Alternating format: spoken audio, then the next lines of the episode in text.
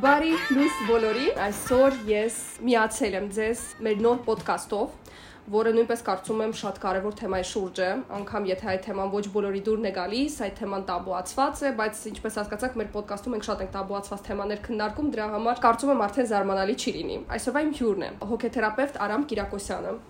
Արամ ջան, շատ շնորհակալ եմ, որ այսօր որոշեցիր միանալ ինձ եւ ինձ հետ քննարկել այս կարևոր հարցը, որը իրականում Հայաստանում տաբուացված է եւ ես քիչ եմ տեսել որ դրա մասին խոսեն, բայց շարունակում է մնալ լրջագույն խնդիրներից մեկը մեր երկրում։ Ես ունեմ շնորհակալ, որովհետեւ ამ ոդկասթի միտքն հավես, ով նախորդ էպիզոդներն էլ լսում մեծ հաճիկով։ Համել իսկապես թեման կարևոր է ու քիչ ենք խոսում սրանից։ Անկամ մասնագետները հոգեկան առողջության ոլորտի մասնագետներ քիչ են սրան անդրադառնում տարբեր տրտապաճառներով գուցե դրան է կանրադառնանք ընթացքում։ Նախ ասեմ մեր թեման, մենք այսօր խոսելու ենք LGBT+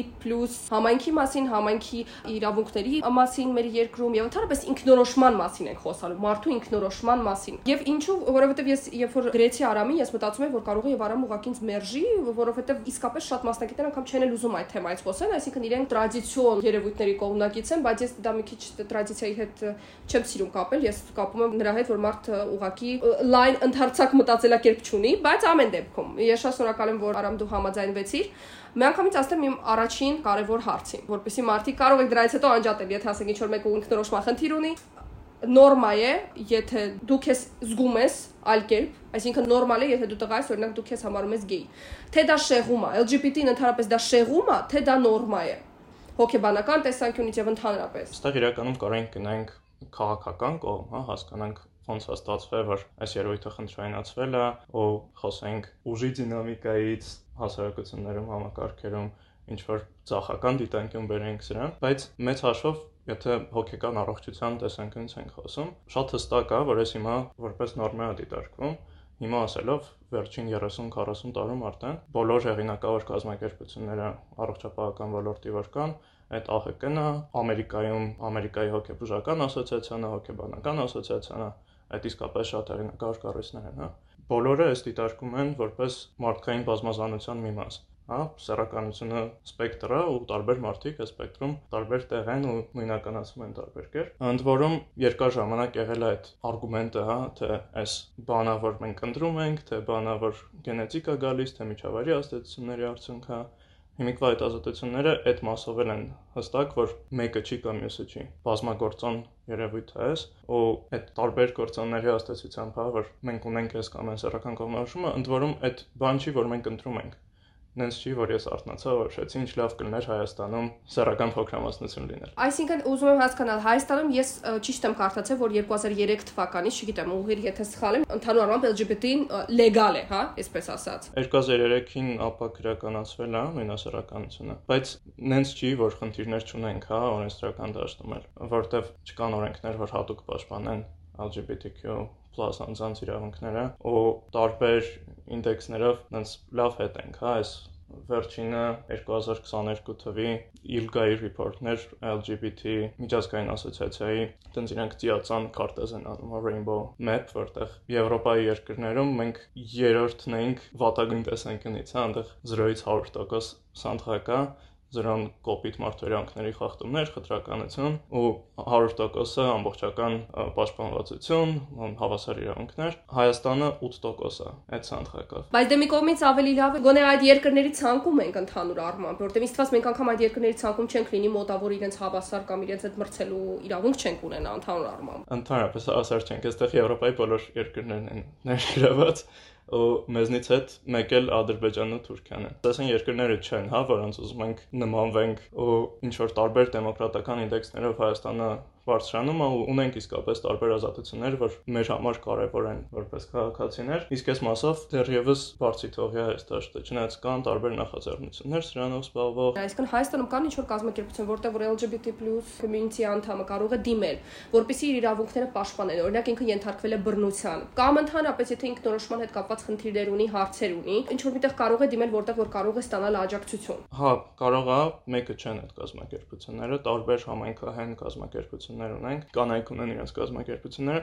ամենաճանաչվածը երևի Pink Armenian-ը, որ ոնց որ թե հիմա Pink-ը կոչվում, ու իրանք կարծեմ 2007 թվից են գործում, ու ելի համայնքային կազմակերպությունն է, արդեն պատմությունով իրանք տարբեր տեսակ ծառայություններ են առաջարկում։ Այդ թվում համայնքային ծառայություններ, սոցիալական աշխատող, իրավաբանական ծառայություն, հոգեբանական ծառայություն։ Ու այդ ամենը անվճար է։ Հա, LGBT մարդկանց համար այս բոլորը անվճար է, ընդ որում LGBT մարդկանց ծնողներին էլ աջակցություն կա տարբեր ծրագրերով։ Այս առումով շատ էֆեկտիվ է այս կազմակերպությունը աշխատում, ու ինչ որտեղ արդեն ունենք ցանց էլի տարբեր կազմակերպությունների, որոնք որոշները ավելի նոր են, որոշները ավելի երիտասարդ են, ինչ որ ակտիվություն կա այստեղ։ Նենց չի, որ քնած է ու LGBT մարդիկ Հայաստանում ոչ մի ձև չեն սպասում իրանց իրավունքներով, ու չեն փորձում ստեղծել համայնքներ, չեն փորձում իրանց գտնել այս հասարակությունում։ Այսինքն ամեն դեպքում օգնություն կարող է ստանալ։ Լավ, ես ուզում եմ հասկանամ, այսպես ուզում եմ մենք գնանք փուլերով, հա, օրինակ, երբ որ որ երեխան գտնվում է հատկապես շատ հաճախ պուբերտատի տարիքում է սկսում այդ process-ները, հա, ինչ որ փոփոխությունները, սկսում ես քո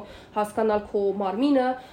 քո սեռական ինչ որ ցանկությունները, ով է քո դուրը գալիս, ով քո դուրը չի գալիս, ինչպես կարելի է որ երեխան ինքն իրեն օգնի միգուցե ինչ որ խորհուրդներ կարող է տալ երեխաներին, ովքեր որ գտնվում են պուբերտատի շրջանում, ովքեր որ կարող են իրենց օգնել, այսինքն հասկանալ, ընդհանրապես ճիշտ է ինքնորոշվել, այսինքն կարող են իրենք ինքնորոշվել այդ տարիքում, թե դեռ վաղ է, դեռ պիտի ուսումնասիրեն, դեռ պիտի իրենց ժամանակ տան։ Ինչի հետ են հիմնականում հանդիպում, եթե ընդհանրապես քո մոտ կա ինչ որ ստատիստիկա, օրինակ ինչի հետ կարող են հանդիպել այդ տարիքում երեխաները, հատկապես հասկանալով հայ երեխաներին, որ մեծանում են մեծ ընտանիքներում սովորաբար չեն ունենում իրենց անձնական տարածք, այսինքն ընդհանրապես սեռականության մասին չեն էլ մտածում, որովհետև շատ ուրիշ բաներ կա, հա, մտածելու։ Ինչպես այդ process-ը երեխայի մոտ տեղ ունենում, որ ինքը ընդհանրապես հասկանա ով է ինքը, հա, ինչից է դա սկսվում։ Սեռականությունը ընդհանրապես այնքան բազմաբարդ երևույթ է, որ ամբողջ կյանքի ընթացքում ենք մենք իրան ճանաչում ու ինքներս մեր սեռականության հետ ինչ որ երկխոսության մեջ ենք, ոնց որ ով եմ ես հարցը, հա, այնց չի որ մի անգամ պատասխանեցինք իրան ու այդ է։ Ու ինչ որ պարադոքս ունենք ստեղ, որ մի կողմից հա ապրում ենք աշխարհում, որտեղ ինֆորմացիան ահավոր հասանելի է, մյուս կողմից Հայաստանում շատ միջավայրերում չկա մուտք այդ ինֆորմացիային, որտեղ LGBT-ի մասին դու լսում ես մենակ հայհոյանքների, վիրավորանքների, ինչ որ խտրականացնող, նվաստացնող բառապաշարով լեզվամթերքա, ու շատ դժվար է այդ միջավայրում քեզ նույնականացնել դրա հետ կամ մտածել, որ օքեյ, կարող է այնց որ դուր է գալիս նույն սերի ինչ որ մեկը այդ կարա օքեյ լինի ու խորհուրդս երևի այն կլիներ որ ուսումնասիրել օգտվել այն ինֆորմացիայից որ կա որտեվ այն միջավայրերում որոնք մենք ենք իրանք դեռ ռեպրեզենտատիվ չեն են աշխարհի համար որտեղ ապրում ենք աշխարհում շատ բան ուրիշ ամարտիկ տարբեր են ու կա ինֆորմացիա կա գիտահեն ինֆորմացիա կա հարամաչելի ինֆորմացիա որով կարամ ինքս ինձ ավելի լավ ճանաչեմ պուբերտատում իրոք դժվար է գալ ինչ որ վերջնական պատասխանի ոնց որ ամբողջ կյանքի ընթացքում բայց ստեղ առավել եւս շատ է լինում այդ շփոթմունքը որտեվ ընդհանրապես ինձ թվում է պուբերտատում նաև սեքսուալությունն է, հա, այսինքն պուբերտատում դու չես հասկանում քո սեքսուալությունը, ինձ թվում է ընդհանրապես։ Չնայած կարող ամբողջ կյանք չհասկանաս, բայց պուբերտատում ընդհանրապես երեխան կարող լինել ասեքսուալ։ Օրինակ, չգիտեմ, ես հիշում եմ, ես իմ սեքսուալությունը սկսեցի հասկանալ երևի մի 20-21 տարեկան, դա խայտարակ ուշ է ինձ թվում է նորմալ բառով, քանի որ ես ապրում եմ այն միջավայրում, որտեղ որ ընդհանրապես կինը սեքսուալության հետ այդպես ասոցիացիում չկար, հա, կինը կա մայր, կինը կա կին ամուսնու, հա, կինը կա աղջիկ տան, բայց ոնց որ կինը որպես իր սեքսուալությունը ընկալող անձ առանձին անհատ չի ընկալվում։ Ու դրա համար ես հասկանում եմ, որ դա կարող է շատ ուշ գալ, հա, կարող է եւ այդ տարիքում ընդհանրապես չգա։ Ու ես հասկանում եմ, որ կարող է պուբերտատում երեխան անգամ անհանգիստ լինի ու մտածի, որ ինչինքը ոչ մի բան չի զգում, հա, բայց ուղղիր ինձ, եթե սխալ եմ, կարծում եմ դա նորմալ, որ դու կարող ես ոչինչ չզգաս ուղակի այդ ժամանակ։ Հա, լրիվ նորմալ է որ կարաս ոչինչ չզգաս, կարաս քեզ չզգաս քո գենդերում, կարաս սեռական գրավչություն ունենաս նույն սեռի կամ տարբեր սեռերի նկատմամբ ու իսկապես այդ բոլորը օքեյ այստեղ նորմալի չնորմալի մասին էլ չի անգամ երբ որ չգիտեմ ուշ է այդ ինչ որ ճանաչումները գալիս, ելի երբ որ խոսում ենք, հա, կարանք խոսանք ինֆորմացիայի հասանելիության մասին, համակարգային խնդիրների մասին, բայց ամեն անձի համար այս ճանապարհը որ ինքը անցնում է երևի։ Ու երևի հենց դեռասյան շրջանում էլ այդ հասկացումը կարող շատ օգնի, որ այս իմ ճանապարհն է, ես իրան անցնում նենց ոնց որ ես եմ անցնում, եթե կան իմ միջավայրում մարդիկ, ում հետ ես կոմֆորտ եմ կիսվել սրանով, ում հետ ես ինձ ապահով եմ զգում, օգտվեմ այդ ռեսուրսից, այդ կարա կարևոր լինի, կարա վալիդացնող լինի, ու ընդհանրապես մարդիկս փոխաջակցող էակներ ենք։ Մեկ-մեկ վառանում ենք դրա մասին, բայց հիշացնել ու գտնել է այդ աջակցությունը, փնտրել է այդ աջակցությունը, շատ օգնող կլինի։ Իսկ լավ, եթե երեխան արդեն հասկանում է, կամ երեխան չի արդեն ավելի մեծ տարիքում, հա, խոսակ եկել է ինչ որ մի ընկալման, որ իր սերականությունը ինքը հասկանում է, որ օրինակ, չգիտեմ, ես քվիր եմ, հա, այսպես եթե ծերնես խոսան քվիր, այսինքն նշանակում է մարդ, որ չունի կոնկրետ հա կողմնորոշում իր սերականության հետ։ Ինքը չի ուզում իրեն ասոցացնել ոչ գեյերի հետ, ինքը չի ուզում իրեն ասոցացնել լեսբիների հետ, ինքը ասում է ես դեյն եմ, ոչ he եմ, she եմ, այլ դեյ եմ ու օրինակ ինչպես կարելի է տանը խոսել դա շատ հիմա շատ վտանգավոր թեմա է ընդհանրապես ես չեմ պատկերացնում Հայաստան տանը ինչպես կարելի է թեմայից թվում է պետք է փախնել ես խորհուրդ կտայք փախնել բայց համարենք նորմալ միջավայր է տանը որ դու պատկերացում ունես որ կա հասկանա որոշ չափով կամ անգամ եթե չի հասկանա բայց կարող է լսել ի վիճակի լսել ինչպես խոսել ծնողի հետ դրա մասին ու այսպես կարելի ասել հայ ծնողի հետ ինչպես խոսել դրա մասին որպեսզի դա ճիշտ լինի ու արդյոք պետք է խոսել թե կարելի է ընդհանրապես չխոսել դրա մասին եւ ապրել քո կյանքով անել այն ինչ անում ես սպահել սահման ծնողների հետ, երբ որ դու կարողանաս ի վիճակի լինես առանձնանալ եւ քո կյանքով ապրել։ Մի հատ կարճ ստանամ query-ին ու հարցին պատասխանեմ։ Query տերմինը եղե, որ այլի օգտագործվել է որպես հայհոյանք կարելի ասել LGBTQ մարդկանց հանդեպ, այդ Q-ն հենց query-ն է, հա, իրա։ Հետո մարդիկ սկսել են այս օգտագործել որպես իրանց ինքնություն, որտեվ հակադրվելով, հա, այդ հрамցվող ոնց որ պատկերացմանը, որ ես ինչ որ աննորմալ մի բան է։ Ու հա ճիշտ նկարագրեցիր, որ ես նրա մասին է, որ ես ես չեմ կամ այն չեմ, ես ես միանշանակությունները չեմ ընդունում։ Իրանք գալիս են էլի ինչ որ ոչ քննադատական մոտեցումից սեռականության հարցին, ու նաև queer-ը որպես questioning են ասում, հա, հարցականացնող, ես հարցականացնում եմ այս կամ այն պիտակը, որ կա սրա շուրջ։ Վերադառնալով հարցին, շատ տարբեր է։ Մենք միատար հասարակություն չենք իրականում, տարբեր ընտանիքներ, տարբեր մշակույթ ունեն։ Ու այս երևի շատ ինդիվիդուալ հարց է, որ ամեն մարդ իր համար է գտնում պատասխանը սրա։ Միաժամանակ իմ թերապևտիկ փորձից ես գիտեմ, որ մարդիկ հաճախ հակված են լինում թերագնահատել տանեցիների ռեսուրսները, կարողությունները ու վերաբերմունքը իրենց հանդեպ։ Այս չեմ ուզում ասեմ որպես շատ ընդհանրական մի բան, որ բոլոր ընտանիքներին ու բոլոր մարդկանց սազում է, բայց եւ մյուս կողմից այն խոսույթը, որ մենք լսում ենք հասարակությունում, մեզ տիպում է մտածել, որ մենք չենք լինելու ընդունված։ Մինչդեռ թերապիայում օրինակ մարդը բացահայտում է, որ ինքը իր ծնողին կամ իր ընտանիքին ճանաչում է ուրիշ կողմից։ Ու այդ կողմերը ոնց որ թե խոսում են նրա մասին, որ այս մարդը կարա ընդունի, ունի այդքան գիտակցվածություն, ունի այն արժեքները, այն զգացմունքները իմ հանդեպ, որ կարելի է իր հետ ունենալ այս խոսակցությունը։ Դրա համար ստեղ երևի ես չէի տա ունիվերսալ ինչ որ խորուրդ կամ հորդոր, բայց կառաջարկեի մտածել սրա մասին տարբեր դիտանկյուններից։ Հա, ինչով է պայմանավորված իմ այս համոզմունքը, որ եթե ես մոտիկներիս ասեմ դրա մասին, ինձ մնալու է մենակ տնից փախնելը։ Այսինքն տանը մեծ հավանականությամբ վստահելու այդպիսի միջավայր չկա։ Ցավոք սրտի հայկական ընտանիքներում երբեմն ոչ բոլոր իհարկե ընտանիքներում, բայց չի լինում այդ ընկերական մոտ հարաբերությունները, օրինակ հոր եւ տղայի միջև, հա, որ տղան կարող է հոր հետ նման բան ընդհանրապես քննարկել։ Ու հետո, ինչպես դու նշեցի, տեսնեմ ինչպես են կատակում այդ թեմայի շուրջ, ինչպես են դրանից դարձնում ինչ-որ հումոր, հա, եւ դա հասկանում ես, որ եթե նամ ես վաղ ասեմ իմ ծնողին, որ ես լեսբի եմ, իմ ծնողը ուղղակի կամաչի անգամ այդ փաստից, որ ոչ թե իր անձնական ընտրությունը, այլ ինչպես գիտես, հայրը շատ կախված են սոցիալական կարծիքից, հա, հասարակության կարծիքից։ Այսինքն առաջին հերթին կմտածի ինչ կմտածեն ուրիշները։ Դա հասկանում ես, որ այդ մարդու համար ցավոտ կլինի, ինքը քեզ շատ է սիրում որպես իր երեխա, բայց իր համար շատ ցավոտ է, որ ինքը պիտի դա ընդունի ու եթե իդեալական տարբերակում պիտի ինչ որտեղ հպարտությամբ դու դու իր երեխան ես ինքը քեզ մեկ է սիրում է բայց ինքը հասկանում է որ հասարակության մեջ կարող է եւ իրեն չհասկանան հա որովհետեւ ավելի մեծ սերնդի ներկայացուցիչներ եւ իր համար կարա ցավոտ լինի ու էլի տարբեր զգացողություններով զգորթվի եւ իմ համար կարա ցավոտ լինի որպես LGBTQ+ մարդ որտեվ իրականում ես սպասում եմ ընդունող արձագանք հա ու այն առաջին արձագանքները որ կարան լինեն այդ շփոթմունքը ամոթը մեղքի զգացումը զայրույթը այդ այն արձագանքը չի որ ես կուզեի ու դրա համար էդ էլ իմ համար ինչ որ ձև բարիերա դառնում, որ ես չխոսեմ սրանից։ Մյուս կողմից այդ ճանաչումը, որ հա իսկապես այս հասարակությունում համակարգային խնդիր կա LGBTQ երևույթի շուրջ, ու այս մարդը, որ իմ կամ իմ ընտանիքի անդամն է, ինքն էլ կարա ունենա տարբեր կարծրատիպեր, ինքը ունենա տարբեր մտահոգություններ, անգամ վախեր սրա հետ կապված, ու այն որ ես բացում եմ այս խոսակցությունը, այդ անում եմ գիտակցումով, որ իրան ժամանակ պետք կգա այս ընդունումները անցնելու։ Հա այդ մտահոգությունների, վախերի, տարբեր հույզերի հետ լինելու ու այդ ժամանակը ու տարածություն տալը կարելի օգնող լինի մեր հետագա հարաբերությունների համար ու հաճախ կարևորը որ այս խոսակցությունը ոչ թե միանվագ ինչ որ գործողություն լինի ես ինչ որ բան ասեցի ու դրանից հետո չստացա այն արձագանքը որ ուզում էի վերջ պատամեր միջև այլ երբեք հնարավոր չի մեր շփումը չէ այս բանը որ մենք խոսում ենք բարբերաբար այս բարդ խոսակցությունը որը գուցե մի անգամով չի ավարտվում։ Գուցե դեռ երկար ժամանակ հետո վերադառնալու ենք մենք այս խոսակցությանը արդեն ուրիշ դիտանկյունից, արդեն ուրիշ հուզական վիճակով ու պատրաստականությամբ խոսելու սրա մասին։ Բայց եւս արժեքավոր բանը մեր հարաբերությունների տեսանկյունից, հա, ընտանիքում ու միջանձնային իմ համար նշանակալի մարդկանց հետ ունենալու բաց ընդունող վստահության վրա հիմնված, փոխաժակցության վրա հիմնված հարաբերություններ, ոստեղ էլի չկան ունիվերսալ առաջարկներ։ Տարբեր ընտանիքներ տարբեր են։ Վստահությունն էլ այնպեսի բան է, որ կարող է ժամանակի ընթացքում գա, հա, այսինքն դու կարող ես ունենաս այդքան մոտ հարաբերություններ քո ծնողների հետ, օրինակ, ես այդքան մոտ իմ ծնողների հետ 20 տարեկանում, ինչքան որ հիմա եմ իրենց հետ Այսինքն դա ինչ որ տարիքի հետ նույնպես գալիս է, հա, երբ որ դառնես ավելի հասուն, ոչ բոլոր դեպքերում, բայց ինչ որ հատկապես սկսում ես քո հարցերը լուծել, սկսում ես ինչ որ սահմաններ դնել քո քո ծնողների միջև եւ շանս կա որ հարաբերությունները շատ ավելի լավը կդառնան տարիքի հետ։ Ուղղակի այստեղ մի բախ կա, որ ինձ միշտ հուզել է, ես հիշում եմ ես Ռուսաստան աշխատում եմ մի տղայի հետ, ով որ գեյ էր, եւ այդպես ընկերները ինքերական շրջապատում գիտեն, որ ինքը գեյ է, բայց ինքը երբեք չէր բարձրացնում դրա մասին, հա, այսպես միշտ փակ ընդհանուր հասարակության մեջ ինքը չէր ուզում, որպեսի որևէ մեկը իմանար իր սեռական կողմնորոշվածության մասին ու նա արդեն մի 32-35 տարեկան էր, չեմ հիշում։ Այսինքն ինքը 20 տարեկան չէր, ինչ որ մի մաս իր կյանքի ապրել էր հասում, ես մտածում եի, ինչքան դժվար է եթե դու այս խոսակցությունը քո ծնողների հետ ասենք ճանենաս ավելի վաղ տարիքում, բոլոր քո մոտ հարազատ մարդիկ, քո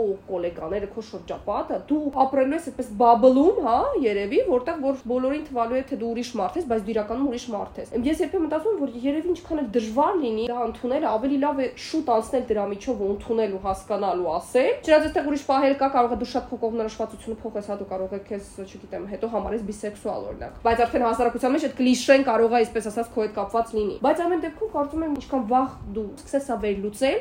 կարող է եւ ավելի հեշտ ու արագ գաս ինչ որ մի անկեղծության քո հետ ու քեզ մոտիկ շրջապատող մարդկանց հետ, որովհետեւ ավելի հեշտ լինի ապրել, որովհետեւ չեմ պատկերացնում այդ բաբլում ապրել ու ամբողջ կյանք բոլորին խապել, այնքան խապել, որ քեզ էլ կարող է սկսես խապել, արդեն ինքն էլ է սկսել հավատալ, որ ինքն ուներ երկու կյանք։ Իսկապես շատ բարդ է ապրել նման երկատվության մեջ ու մյուս կողմից այս մեր համայնքների տխրության մասին է, հա,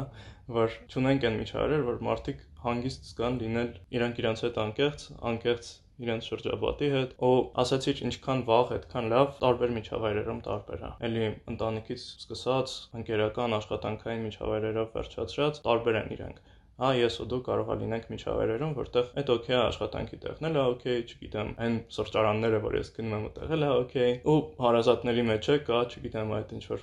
ինդիվիդուալիզմը զարգացած, որ շատ իրար կյանք գիտները չեն խոթում, կամ այդ անելուց ես օրինակ ունեմ այն անձնական սահմանները, որ այդ ինձ շատ չի հուզում։ Բայց եւ այլ մարդկանց մոտ այլ ձև կարա լինի ու այստեղ իրականում ամեն մեկի հայեցողությանն է։ Բայց այս հարցերը ինքներս մեզ տալը ես ես անում եմ ինչից ելնելով, ինչով է պայմանավորված ես։ Արդյոք ես ունեմ հնարավորություն այլ կերպ անելու, ունեմ հնարավորություն խոսելու սրա մասին, գտնելու մարդկանց, գտնելու միջավայրեր, որտեղ ես ընդունված կլինի որտեղ ես կարամ լինեմ ես։ այս հարցերը տալ ոչ թե գալով ինչ որ կարծրատիպային պատասխանների, որոնք էլի ինչ որ գերընթարացված մտածողության ձևեր են, հա, այլ մի քիչ մնալու այդ հարցի հետ, մնալու իմ հույզերի հետ, որ առաջ են գալիս սրա մասին մտածելը։ Չվախենալ, հա, այդ հարցը երևի քեզ տալ, հա, իրոք չվախենալ, որտեղ ինձ թվում է շատերը անգամ վախենում են մտածել ոնց ես կարող եմ այդպեսին լինել, չէ, պետք է չմտածել, պետք է հերո տանել այդ մտքերը, ոնց որ դու վախենում ես ինքդ քո հետ անկեղծ լինել։ Կամ ունեմ կլիշե պատասխաններ, որ հենց այս հարցը գալիս է, ես իրան ինչ որ մի պատասխանով փակում եմ, օրինակ անհնար է, այս հասարակությունում անհնար է կամ իմ ընտանիքի հետ հնարավոր չի, նույնիսկ որովհետև ունեմ դրա համար ու անցնում եմ առաջ, բայց անցնում եմ առաջ փաստորեն իմ ինքնության մի մասը ճնշված պահելով ու այս հոգեկան առողջության տեսանկյունից շատ ցավագին բան է իրականում, որովհետև հետո տարբեր տարբեր խնդիրներ կարան առաջանան հենց այս հիմքով, որ իմ մեջ կա այդ բաժանումը եսերի, որտեղ մեկը մնում է բացարձակ ստվերում ու ես պատրաստ չեմ դրան առերեսվել, մոտենալ, ինտեգրել այդ։ Ես գիտես հիշում եմ մի հատ գիրք կարդացի, չեմ հիշում այդ գրքի անունը, չեմ կարողանում այդ գիրքը գտնել, երևի 7-8 տարի առաջ էր, այսպես գիտական գիրքեր, չգիտեմ ինչքան էր գիտական, ամեն մի գիրք չի որ գիտական լեզվով է գրած, իրոք գիտական է, բայց ամեն դեպքում գիտական լեզվով էր գրած ու գրված էր մի էսպիսի բան, չգիտեմ, իրականում ես հիմա սկսել եմ դա խիստ կասկածի տակ վերջին տարիներին իհարկե դնել, բայց այդ ժամանակ դա ես մտածեցի, որ կարող է եւ ճիշտ է։ Այդպես հոգեբան էր, թե հոգեթերապևտ էր, թե սեքսոլոգ էր, չեմ հիշում, նշում էր, որ իրականում եթե ճիշտ պահին քեզ ճիշտ հոգեբանական օգնություն ցույց տան, օրինակ պուբերտատի շրջանում, երբ որ դեռ սեռականության հետ կապված հարցեր ունես, 90% հավանականությամբ այդպես ինչպեսի թվեր էր ասում, դու հոմոսեքսուալ չես լինի նա դու չես լինի հետագայում LGBT+։ Այսինքն էլի նշվում էր այսպես ոչ ուղիղ իմաստով, որ այո կա հոմոսեքսուալություն ինչ ֆորմի ցածր շատ մակարդակ, դա նորմա է բնության մեջ, բայց եթե ես ճիշտ հոգեբանական օգնություն ցույց տան ճիշտ պահին, երբ որ որ կարող է եւ ինչ որ այսպես ասած շեղում է քեզ մոտ գնում, դու չես դառնա հոմոսեքսուալ։ Հիմա ես հասկանում եմ դա ինչքան բուլշիտ է իրական, բայց ես մի որոշ ժամանակ դրան հավատում եմ։ Դե ես չի համարում որ դա ինչ որ հոգեկան հիվանդություն է, բայց ես մտածում եի կարող է միգուցե օրինակ աղջիկը, ով որ որ լեսբի է, հա,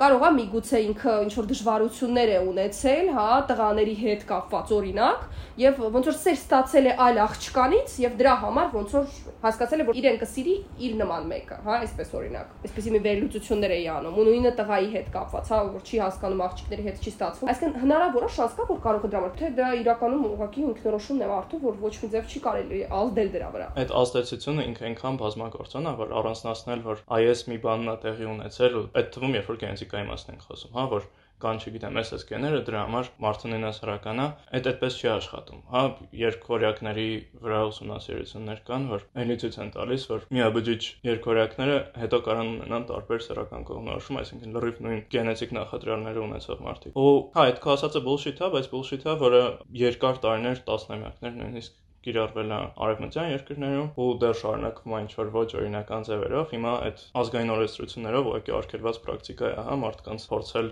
սեռական կողմնորոշումը փոխել տարբեր ճանապարհներով, այդ կարա լինի հոգեթերապիա, կարա լինի ինչ-որ կրոնական պրակտիկաներ ու ինչ որ ճամբարներ, որտեղ հավաքում են մարդկանց փորձում բռնի, ընդ որում լինում է նաև ֆիզիկական բռնության հասնող, հա, ձևերով փոխել մարդու սեռական կողմնորոշումը։ Միանշանակ է, որ այդ վնասակար ազդեցություն ունենում մարդու վրա։ Ու ցավոք սրտի մենք Հայաստանում ունենք մասնագետներ, անգամ հոգեբանական կենտրոններ, որոնք կարան գովազդեն, հա, որ իրանք ուժում են ստեղ բուժում ուշագրներով։ Ասում, բայց իրանք հավատում են դրան, որ փոխում են մարդու սեռական կողմնորոշումը, բերում են նորմայի, հա, հետերոսեքսուալության։ Ու շատ ծնողներ երեխաներին բռնում բռնում են ձեռքից ու տանում են, եթե հանկարծ զգում են, որ ինչ որ մի բան այն չի։ Հա, ու այդ հասկանալի արձագանք է։ Հա, եթե կա այդ առաջարկը մասնագիտական համայնքի կողմից, էլի ստեղ համ նորման, համ մասնագիտական համայնքը էս բոլորը շակերտներով եմ ասում։ Նույնիսկ պահանջարկը կառաջանա ի պատասխան առաջարկի որտեղ արդեն խոսեցինք, հա, որ ծնողը ունենում է այդ տարբեր մտահոգությունները իր երեխայի հետ կապված ոնց է ինքը ապրելու այս հասարակությունում, ինչ խնդիրների է բախվելու։ Ու եթե առաջարկում են, որ կա sense լուծում, այդ թվում է լավ տարբերակ բոլորս ինչ որ քիչ վնասով դուրս կգանք սրա մեջից, հակառակն է տեղի ունենում։ Շատ ավելի շատ է վնասը այդ կոնվերսիոն թերապիաների, քան եթե գտնել մասնագետ, որը աշխատում է գիտահեն մեթոդներով, որը մարդյատյաց չի մարդասեր է, իսկապես վերապատրաստված է աշխատելու սեռականության, գենդերային ինքնության խնդիրներով ու իր հետ այդ կարա լինի եւ ծնողն է գնում հոգեբանի, որտեղ ինքն էլ ունի շատ բաներ հասկանալու իր համար անցնելու ինչ որ ճանապարհ, որ լինի այն ծնողը իր երեխայի համար, որ կուզեր լինել, ու այդտեղ հոգեկրթական մեծ բաղադրիչ էլ կհա, լիքը բան ուղակի մենք ինֆորմացված չենք։ Ու նաև երեխան կարա վերջապես ունենա այն միջավայրը, որտեղ ինքը իր եսի հետ համերաշխա։ Ու այդ ներդաշնակությունը, որին կարանք գանք ինքներս մեզ հետ, այդ ամենամեծ ռեսուրսներից է, որ կարանք ունենանք, ու այս հնարավորությունը այդ ռեսուրսը խորությամբ բացահայտելը։ Լավ, հիմա որ ծնողներից խոսեցինք, օրինակ, եթե չգիտեմ, վաղը իմ աղջիկը գա ինձ ասի, մամա, ես քվիր եմ, ինձ ասա դեյ, ինձ ասա նրանք խնդրում եմ, ու ընդհանրապես հարգեք, ես էսպես եմ, տրատատամ, ամեն ինչ ինձ բացատրի, ինչպես որ իդեալական աշխարհում պիտի ես ընդունեմ ու ինչպես պիտի խոսեմ իմ երեխայի հետ, ինչպես պետք է լինի ռեակցիան, եթե մենք ապրենք իդեալական աշխարհում, որպեսզի դա չվնասի, չվիրավորի իմ երեխայի զգացմունքները, բայց նաև որպեսզի ես լինելով ենթադրենք մի որոշ չափով տրադիցիոն մարդ, չստիպեմ ինձ ժպտալ ու ինչ որ հրճվանքով դիմավորել այդ լուրը, հասկանալով որ դա ամեն դեպքում իմ ինչ որ արժե համակարգի հետ միգուցե չի համընկնում ինչ-ինչ պատճառներով։ Չգիտեմ, կարող է ավելի ավանդական է մեծացել։ Կամ անգամ ես ինչքան էլ ես LGBT+ հա ընդունում եմ, բայց իմ համար այդ օրինակ քվիրը եւ այլն տերմինները ես ուղղակի կորում եմ նրանց մեջ ու ես կարող եմ կորեմ, երբ որ իմ երեխան գասի, ես գիտես, սա եմ եւ որոշել եմ սա, նաեւ որոշել եմ այսպեսի օպերացիա անեմ հետագայում, իսկ կարող ուղղակի վախենամ իր համար եւ կարող չհասկանամ ոնց ինձ ոնց կլինի ճիշտ արձագանքը նման իրավիճակում ծնողի կողմից։ Էլի ստեղ մի հատ առանցին անդառնանք այդ դեին հայրենում նան սերերոպսի տարբերակում դրա համար։ Այս առումով պրոգրեսիվ ենք մեզ մի տոկոս կարելի ավելացնել են քարտեզի վրա։ Իսկապես տենց է։ Ու դու նույնիսկ վերեցիր հայ այդ օպերացիաների ու ինչ որ տարբեր միջամտությունների օրինակը, որ ավելի ինչ որ հերատում, բայց ամենափոքր բաներում էլ հա, երբ որ անգամ երախան գալիս ասում, հա ոնց որ թե ինչ որ մեկը դասարանից ինձ դուր է գալիս, ու այդ նույն սերի մարդ է, այդ էլ շատ մեծ ինչ որ շոկ կարա բերի ու ինչ որ հրաբուխ տարբեր հույզերի։ Ինչ անել խոսալ դրա մասին։ Կախված տարիքից իհարկե, տարբեր տարիքին տարբեր ձևի խոսակցություն է համապատասխան։ Այդ թվում այն թե ոնց ենք մենք ձևակերպում խոսքը Այն թե ոնց ենք ցույց տալիս մեր հույզերը, փոքր տարիքի երեխային կարևոր է ծնողի ֆիգուրը որպես այդ ապահով աջակցող մարդու արդեն պուբերտատից սկսած ու ավելի հասուն տարիքում մենք ավելի շատ ազատություն ունենք մեր տարբեր հույզերը ցույց տալու հետ ցույց տալը չի նշանակում առաջնորդվել դրանցով հա կարծրանալ այս իմ հույզի մեջ հիմա ես չգիտեմ վախ եմ զգում ու իմ ամեն ինչը ինչ հիմա ես խոսում եմ, այդ իմ վախերն են, ու վախեր, որոնք դառնում են ոնց որ սպառնալիք դիմացինի համար է, հա, ինքը ոնց որ թե եկել էր որ աջակցություն ստանա ինձնից, իսկ ես ասում եմ հասարակությունը քեզ չի աջակցելու, ուրեմն ես քեզ չեմ աջակցելու, որը տարօրինակ ձև է սրան մոտենալու։ Խոսալ սրանից, ինֆորմացվել կան տարբեր ուղեցույցեր, գրքույկներ, հոդվածներ, որ կարելի է կարդալ սրա շուրջ փորձել ավելի հասկանալ։ Իմ երեխան ինչ որ բանով հետաքրքրվում է։ Այդ բանը պոտենցիալ իր ինքնության մի մասն է։ Ինտեգրալ կարևոր մաս է իր համար։ Ես որպես մարդով կարևորում եմ իրան, կարամ մի քիչ ինձ նեղություն տամ ուսումնասիրել զրուցել իր հետ սրա մասին։ Ինքս ինչ որ բան ավել հասկանալ։ Ես էլ հետաքրքրվել բանով, որը շատ նշանակալի է իմ զավակի համար։ Ու այստեղ մենք էլի տարբեր դժվարությունների ենք բախվում մշակութային, որտեղ հույզերի հետ լինելու լավ փորձ չունենք առանձնապես։ Ու հույզերի կառավարումը հասկանում ենք կամ ճնշել, կամ ինչ որ ագրեսիվ ձևերով արտահայտել այդ հույզերը, որ մեջը չմնա ոնց որ, ու քիչ ենք օգտվում կոնստրուկտիվ ձևերից հույզերը արտահայտելու քիչ ենք հարաբերություններում օգտագործում ոչ բռնի հաղորդակցման ձևեր, որտեղ ես խոսում եմ իմ զգացմունքների մասին, այդ անելով ձևով, որ չցավացնի դիմացինին։ Կուզեի այսպեսի մի հարցել տալ։ Ինչպես քո սահմանները պաշտպանել, եթե սկսում եք բուլինգի ենթարկել, հա, թեկուզ մեծ տարիքում, հա, ինչ որ կատակներ են անում, օրինակ գործի տեղը, եթե ասենք դու LGBT+ ներկայացուցիչ ես։ Գործի տեղն են անում կամ տանն են անում, եւ դա քեզ ցավեցնում է, հա, այդպես դու քեզ չես զգում կոմֆորտ, ինչպես կարելի է այդպես սահման հաստատել, ինչ կարելի է պատասխանել, հա, դու կարողա գեյ ես կամ ինչ որ նմանատիպ բաներին չնայած մարդիկ հասկանում են, որ դու վստահաբար LGBT+ համայնքից ես, այսինքն մաս ես, հա, ինքնորոշ որոշումը տարբեր է իրենցից, քո սեռական կողմնորոշվածությունը, բայց ամեն դեպքում ոնց որ շարունակաբար բուլինգի են ենթարկում, տոքսիկ ինչ որ կոմենտներ են թողում, ինչպես կարելի է այդ սահմանները, հա, պահել մարդկանց հետ, որպեսզի իրենք հասկանան, որ այլևս չի կարելի կատակել, որովհետև դա քեզ ցավեցնում է։ Բացի նայած որ կարելի ուղիղ ասել, կարծում եմ ամենալավ տարբերակը ուղիղ ասելն է։ Ինչպես անել դա, որ հատկապես սիրելի մարդկանց հետ, հա, մոտիկ, ընտանիքի անդամների, եղբայրների, քույրերի, ովքեր որ կարող է չհասկանան, դա այն մարդը չի ում հետ կարող ես ուղակի վերջացնել հարաբերությունները, հա, ու այլևս շփվել։ Կարող ես, բայց չես ուզի, որովհետև սիրում ես այդ մարդուն, ինչպես կարելի է այսպես բացատրել այդ մարդուն, որ դա քեզ դուր չի գալիս, դա քեզ ցավեցնում է եւ պիտի այդպես չլինի քեզ հետ, հա։ Ինչպես այդպեսի սահմաններ դնել, որովհետև մարդիկ շատ անգամ դրան վերաբերում են որպես, չգիտեմ, կատակ, Հա, ոնց որ դու ինչ որ հակել ես կլոունի հակուստ ու իրանք կարող են դրա հետ կապված ինչ որ հումորներ անել, հա, բայց չեն հասկանում, որ դու անցնում ես շատ խիստ process-ներ ներքին, որ դու եկել ես նրան ինչին որ եկել ես ու քո ինքնորոշման հետ կապված։ Ու երբեմն այդ մարդիկ անում են իբր ցույց տալով, որ իրանք ընդունող են խնդիր չունեն սրա հետ կապված, հələ մի հատ էլ կարան կատակներ անեն սրա շուրջ, ու կարան անգամ կարան այդ որպես ինչ որ աջակցություն, հա, դες ես ես քո բազմազանությունը շատ լավ ընդունում եմ։ Ես ձեր նմաններին լավ եմ վերաբերվում ձեր նմաններին, հիվանդներին։ Ավելի սրված տարբերակն է, ու միշտ էլ չի դրա մասին։ Հաճախ էլ ինչ որ տարբեր կարծրատիպերի մասին է, ինչ որ կրոնական նախադրյալներ ունի, չգիտեմ, էլ ինչ որ ավանդական հայ ինքնության մասին, ինչ որ տարօրինակ կարծրատիպերի արդյունք է։ Սահմաններ դնել նենց ոնց կարում ենք։ Ու իրականում մենք ավելին ենք կարում, քան մեզ հաճախ թվում է։ Հա մենք գիտենք, որ օրինակ ես այդ պահին կարում եմ լացեմ դուրս կամ կամ ժպտամ իրանց ասացին, կարծես բան չի եղել, կամ բորբոքվեմ ու ինչ որ ագրեսիվ ձևով պատասխանեմ։ Ամենայն հավանականությամբ ես այս երեքն էլ կարում եմ մի բան էլ ավել եմ կարող անել։ Իմ համար հասկանալ ինչ տարբեր արձագանքման ձևեր կան սրան, ավելի շատ կոնֆրոնտացիոնից պակաս կոնֆրոնտացիոն, կոնֆլիկտի մեջ ուղիղ ներգրավելուց այդ կոնֆլիկտը խուսափել, որտեղ կոնֆլիկտի խուսափումն էլ օքեյ է, հա։ Եթե այդ միակ ձևը չի, որ մենք օգտագործում ենք, միակ վարքաձևը չի։ Ինչ որ միջավայրերում կարանք մենք մեզ կոմֆորտ չզգանք ու այլևս նախընտրենք չլինել այդ միջավայրերում ու գտնել մեր համար ավելի ցանկալի միջավայրեր։ Երբ որ այս դառնում է միակ ձևը, որով մենք փոխ ներգործում ենք միջավայրի հետ, այս շատ համանապակող կարող լինի։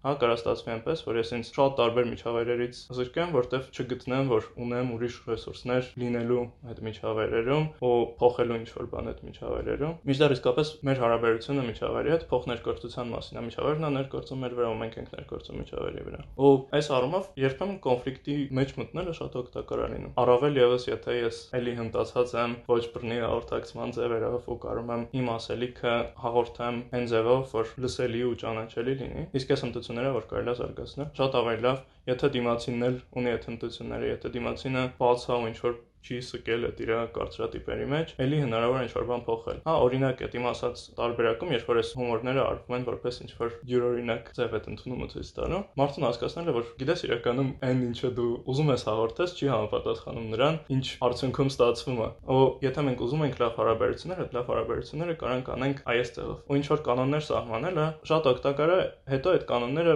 հաճախ դառնում են ուղղակի բնական շփման մաս, հա, իրենք ներդրվում են այս միջավայրերում, արդեն ոչ միայն տարական կողմնորոշման կամ գենդերային ինքնության հետ կապված, այլև օրինակ քաշի հետ կապված, գենդերի հետ կապված, շատ ոչ պարկեշ կատակներ ու ինչ որ մեկնաբանություններ կանանց վերաբերյալ, որ ելի անընդունելի են ընտանիքներում, աշխատավայրերում, հասարակական վայրերում, այդ մենք լսում ենք ոչ շատ ականջակող է, ու միաժամանակ երբ որ մեկին հակադարձում ես, մյուս հարցերով էլ մարդիկ ավելի զգայուն են դառնում այդ միջավայրերում։ Ի վերջո մենք խոսում ենք, որ սրա շնորհիվ այս տարբեր միջավայրերում լոկալ փոփոխությունները կարան իրենց հերթին բերեն ավելի մեծ փոփոխության հասարակության մասշտաբով։ Քո պրակտիկայի ընթացքում արամ շատ են դիմում ինքնորոշման հետ կապված հարցերով։ Ընդհանրապես Հայաստանում սկսել են հոկեբանների մոտ գնալ մարդիկ նման հարցեր քննարկել։ Ու ինչ տարիքից են գնում, եթե ունես ասենք ինչ-որ ստատիստիկա, թե դեռ ամեն դեպքում այդ ընդունված չի, հա մարդիկ փորձում են իրենք իրենց հնարավոր միջոցներով լուծել։ Չկա նախ վստահություն, միգուցե հոկեբանների նկատմամբ կամ ընդհանրապես չեն ուզում ոչ մեկը դա քննարկեն, փորձում են իրենք իրենց մեջ այդ հարցերին պատասխան տալ։ Ինչքանով է հիմա երիտասարդները ավելի բաց նման հարցերը քննարկելու։ Ես ճիշտ ասած չեմ հանդիպել այդ ազատության, որ համապարփակ էս հարցին պատասխանի։ Դրա համար ստատիստիկայից խոսալ կդժվարանա։ Ամեն մասնագետ հա ունի իր ինչ-որ պատկերացումը սրա շուրջ, բայց դա էլի տարբեր գործոններով պայմանավորված, որ երևի չարժի ընդհանրացնել։ Հա, տարբեր ծառայություններ տարբեր արժեք ունեն, տարբեր մասնագետներ տարբեր մոտեցումներով են աշխատում, տարբեր ձև են իրանց ներկայացնում, տարբեր հարթակներ են դրա համար օգտագործում ու դրա համար դիմումել են տարբեր մարդիկ տարբեր խնդիրներով։ Ես օրինակ իմ Instagram-ի էջում բաց խոսում եմ LGBTQ խնդիրներից հոգեկան առողջության ոլորտում։ Դու ոնց որ ստեղծում ես այդ միջավայրը, հա, ավելի ապահով, չնայած ընդհանուր առմամբ մարդիկ գիտեն, որ հա հոգեբանը չի դատի, բայց ամեն դեպքում հայ հոգեբանը դա նույնպես ուրիշ կատեգորիա է։ Միգուցե կարող է դատել։ Սկսի բուժել։ Կարող է հա անգամ ինքը չանի կոնվերսիոն թերապիա, իր համար այդ լինի, որ չէ, ես ոչ դատողական եմ վերաբերվում սրան, բայց գիտելի գիտելիքի պակասից այս հանգեցնի նրան, որ ինքը անի վնասող միջամտություններ։ Ու դրա համար ինձ դիմում են եւ մարդիկ, ովքեր այդ ինքնաճանաչման ճանապարհին են, որ իրենց գենդերային ինքնության հետ կապված, սեռական կողմնորոշման հետ կապված, եւ մարդիկ ուղղակի, որոնք LGBTQ անձիկ են ու ուզում են ստանան նորմալ որակյալ թերապևտիկ օգնություն, որտեղ իրանց LGBTQ պատկանելությունը որևէ ձև չի խնդրայնացվի։ Ու այս շատ կարեւոր է, որ այս ներառականությունը ունենանք առողջապահական ոլորտում, կարեւոր է որ ունենանք տարբեր միջավայրերում։ Հա, ես այս ոլորտից եմ խոսում, բայց աշխատավայրերում կարևոր է ուստեղ էլ ունենք օրենսդրական հարցեր, որ կարևոր կլինի անդրադառնանք որպես հասարակություն, որպես պետություն։ Ինչքանով ես կարծում կա շանս, իհարկե կա զարգացում, առաջ է գնում, բայց հույս կարող է ունենալ LGBTQ+ ներկայացուցիչը, որ ինքը կարող է տեղը գտնել մեր հասարակության մեջ, հատկապես եթե ինքը ազատ ինքնա արտահայտվի, իր սեռականության մասին ազատ խոսի, եթե այսպես ռեալիստիկ խոսա, կարող է գտնել հիմա որևէ տեղ կամ հույս ունենալ, որ դա կլինի մոտ ապագայում։ Թե ամեն դեպքում մեր հասարակության մեջ դեռ process-ներ շատ դանդաղ են գնում, որովհետև ես օրինակ մտածում եմ, լավ, հա, ասենք դու վստահ խոսում ես քո մասին, բա ընտանիք ո՞նց ես կազմելու, հա։ Հա, կա իհարկե community, դու կարող ես գտնես partner, բայց կարող է partner-ը ունենա շատ խնդիրներ, ինքը չհասկանա ու ինքը ունենա իր ինքնորոշման հետ կապված խնդիրներ։ Այսինքն, ինչքանով կա շանս, հետո ես չգիտեմ իրական չեմ ուսումնասիրել օրենքը, ինչքանով է թույլ տրվում օրինակ երեխա ворթեգրել նույնը սեռական զույգերին։ Ես կարծում եմ Հայաստանում այդ խնդիրը շատ լուրջ կլինի, եթե ընդհանրապես արգելված չլինի, որովհետև իհարկե կդիտարկեն ընտանիքներին, հա, բայց ոչ նույնասեռական։ Այսինքն, այստեղ այնպեսի մի բան կա, որ ոնց կարելի է պատկերացնել քո ապագան մի երկրում, որտեղ որ այսքան խնդիրների հետ ես դու հանդիպելու դեռ հետագայում։ Այսինքն դու ինչ պիտի ամբողջ կյանք այդպես լինես թաքուն, հա, հանդիպես տարբեր մարդկանց հետ, քեզ ցույց տաս այլ կերպ, կամ թեկուզ եթե լինես ազատ, քեզ ցույց տաս այնպես ինչպեսին կաս, բայց ամեն դեպքում խնդիրներ ունենաս քո անձնականը կառուցելու ընտանիք կազմելու հետ կապված։ Ես մի քիչ պեսիմիստական եմ, բայց չգիտեմ, իմ ընկերը, ով որ որ գեյ լինի, ես երևի կասեմ իրեն գնա երկրից։ Չգիտեմ, բադ բան կանեմ, բայց կասեմ գնա երկրից, որ ունենաս հնարավորություն նորմալ կյանքով ապրելու, այնպես ինչպես որ դու ես ուզում ապրես, հա, ազատ ինքնարտահայտվելու, չգիտեմ, ամուսնանալու, երեխա որդեգրելու կամ սուրոգատ մայր, տարբերակներ կան, որպես դու կարող ես նորմալ ընտանիք կազմել, չէ՞ որ LGBT-ին դա միայն այն չէ, որ չգիտեմ, երկու տղա իրար հետ այսպես սիրում են ընկերություն, մարդիկ նորմալ ընտանիք են կազմում, ուզում են իրենց զույգին ցույց տալ, ուզում են իրար հետ ձեռքը ձեռքի բռնած քայլել, ուզում են համբուրվել, ուզում են երեխա ունենալ, այսինքն